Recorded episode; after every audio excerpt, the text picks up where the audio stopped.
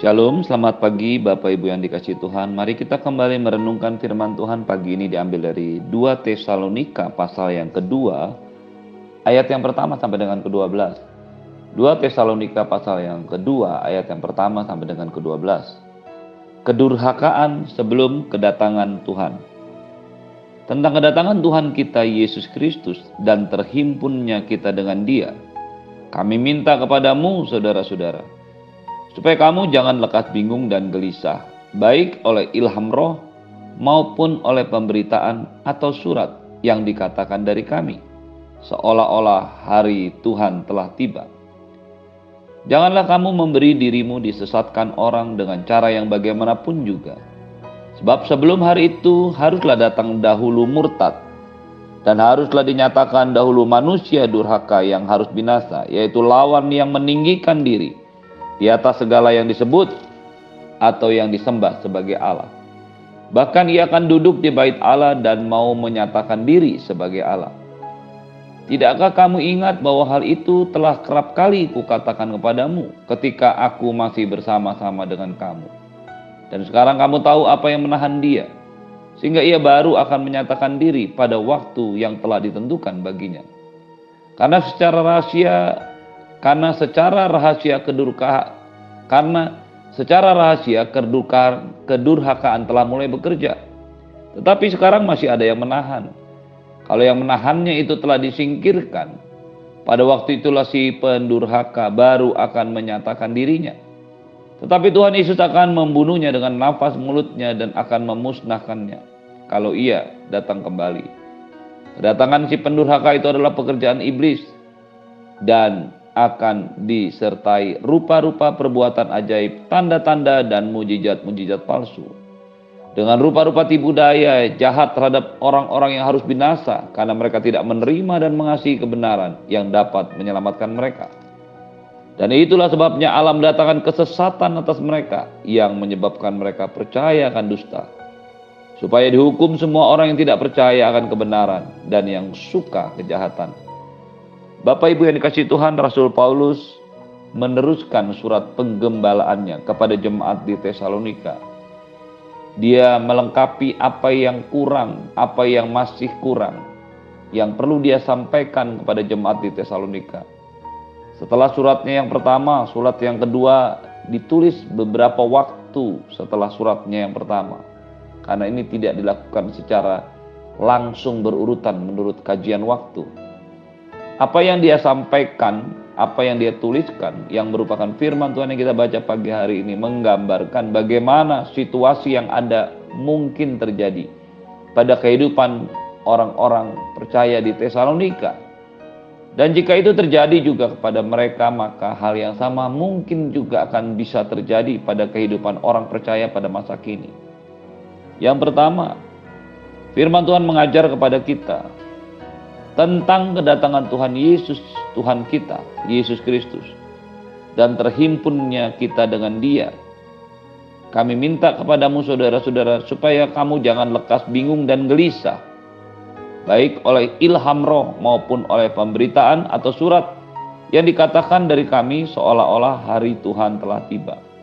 Pada waktu itu, ada beberapa orang di Tesalonika, ada beberapa jemaat di Tesalonika yang mengalami ketakutan dan kegelisahan karena mereka merasakan bahwa hari Tuhan telah tiba. Informasi ini bisa mereka dapatkan dari orang yang mengaku menerima surat dari Rasul Paulus maupun orang yang menyatakan ada ilham roh. Hal yang sama juga bisa terjadi pada masa kini. Itu sebabnya Bapak Ibu yang dikasih Tuhan,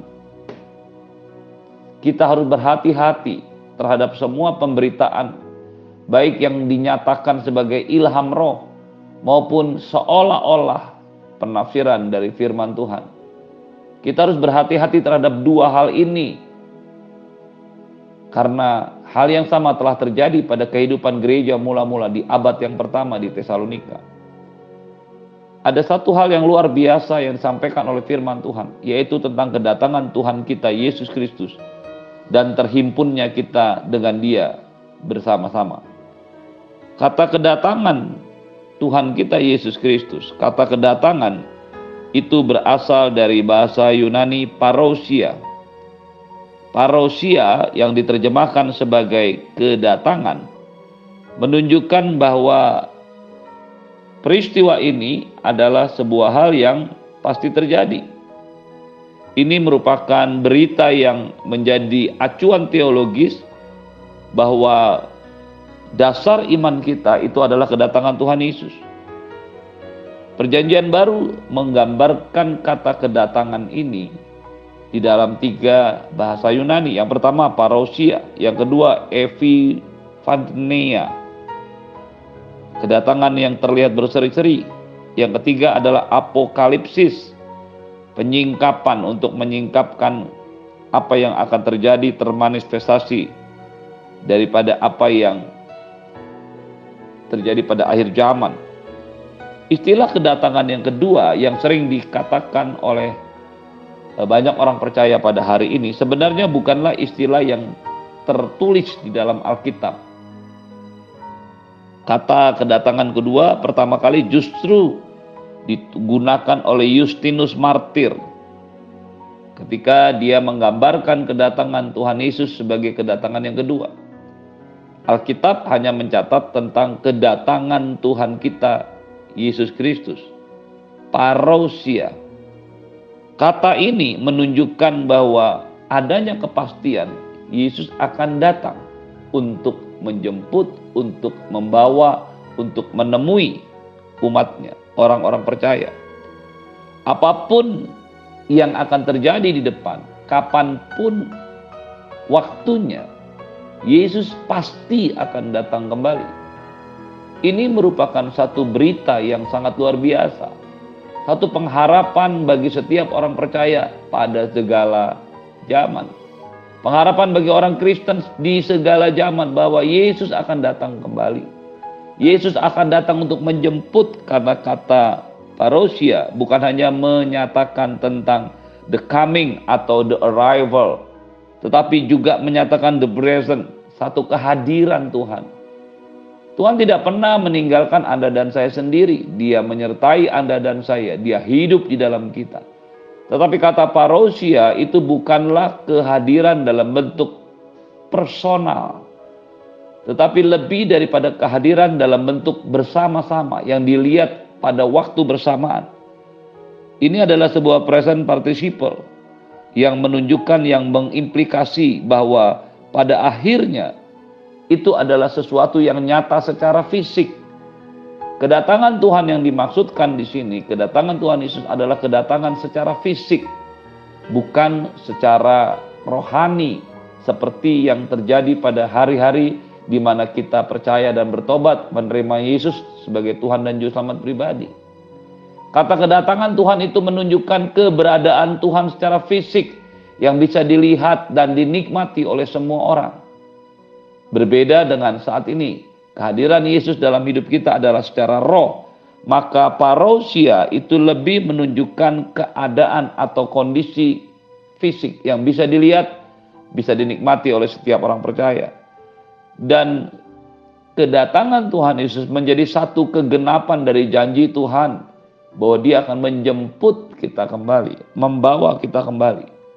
Yang kedua, tentang kedatangan Tuhan kita Yesus ini selalu dihubungkan dengan terhimpunnya kita dengan Dia.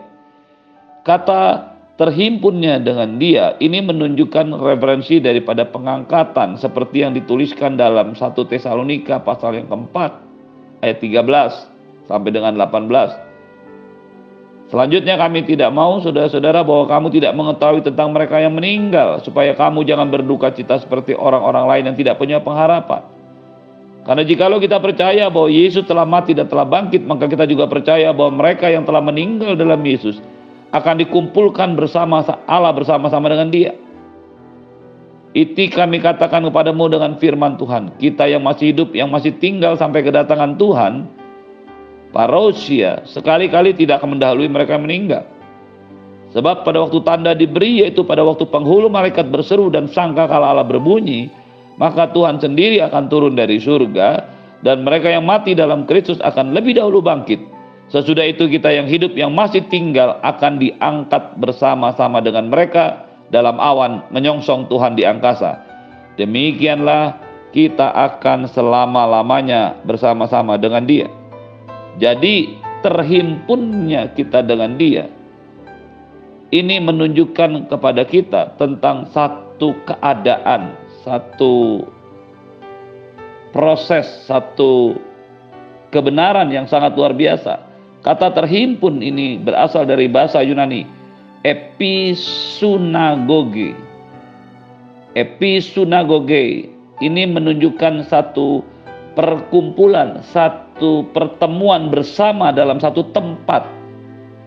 Kata terhimpunnya kita dengan dia tidaklah menunjukkan penyertaan Tuhan secara pribadi buat Anda dan saya, buat orang percaya.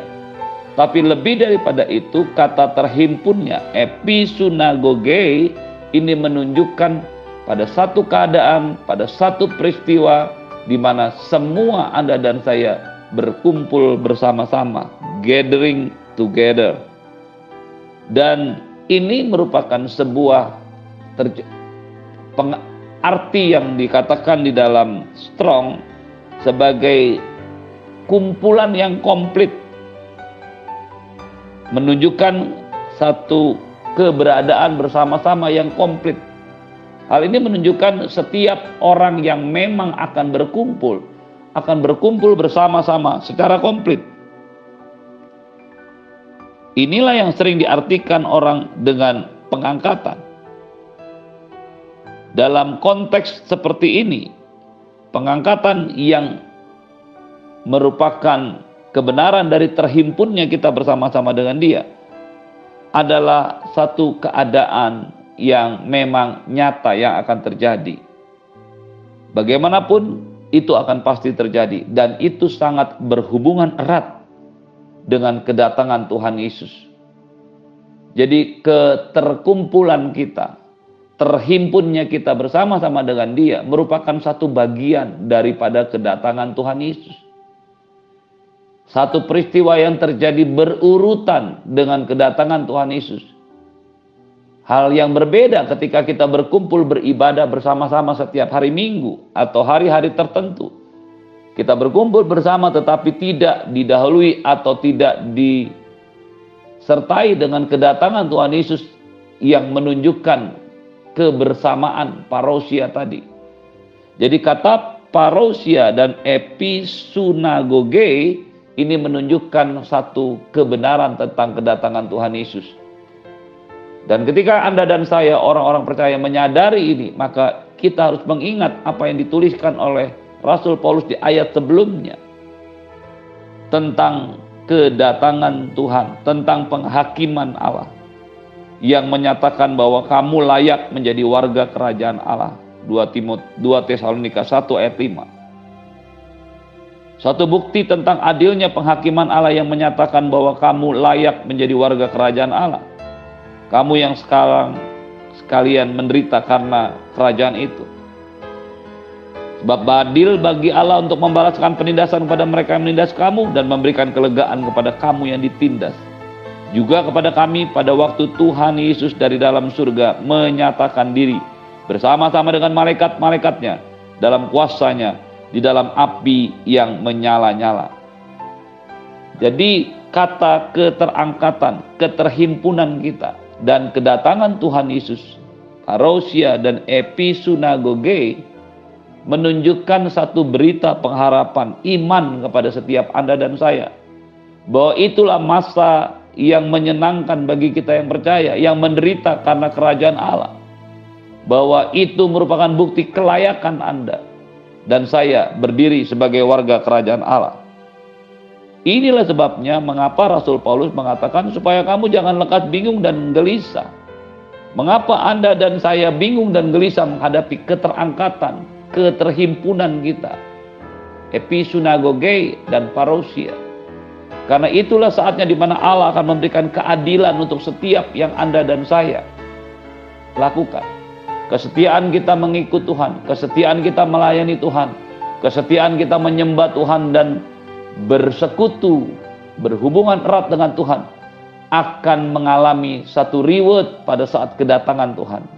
Anda dan saya akan mengalami satu keadilan Tuhan yang akan dinyatakan kepada kita bahwa kitalah orang-orang yang layak bagi kerajaan Allah.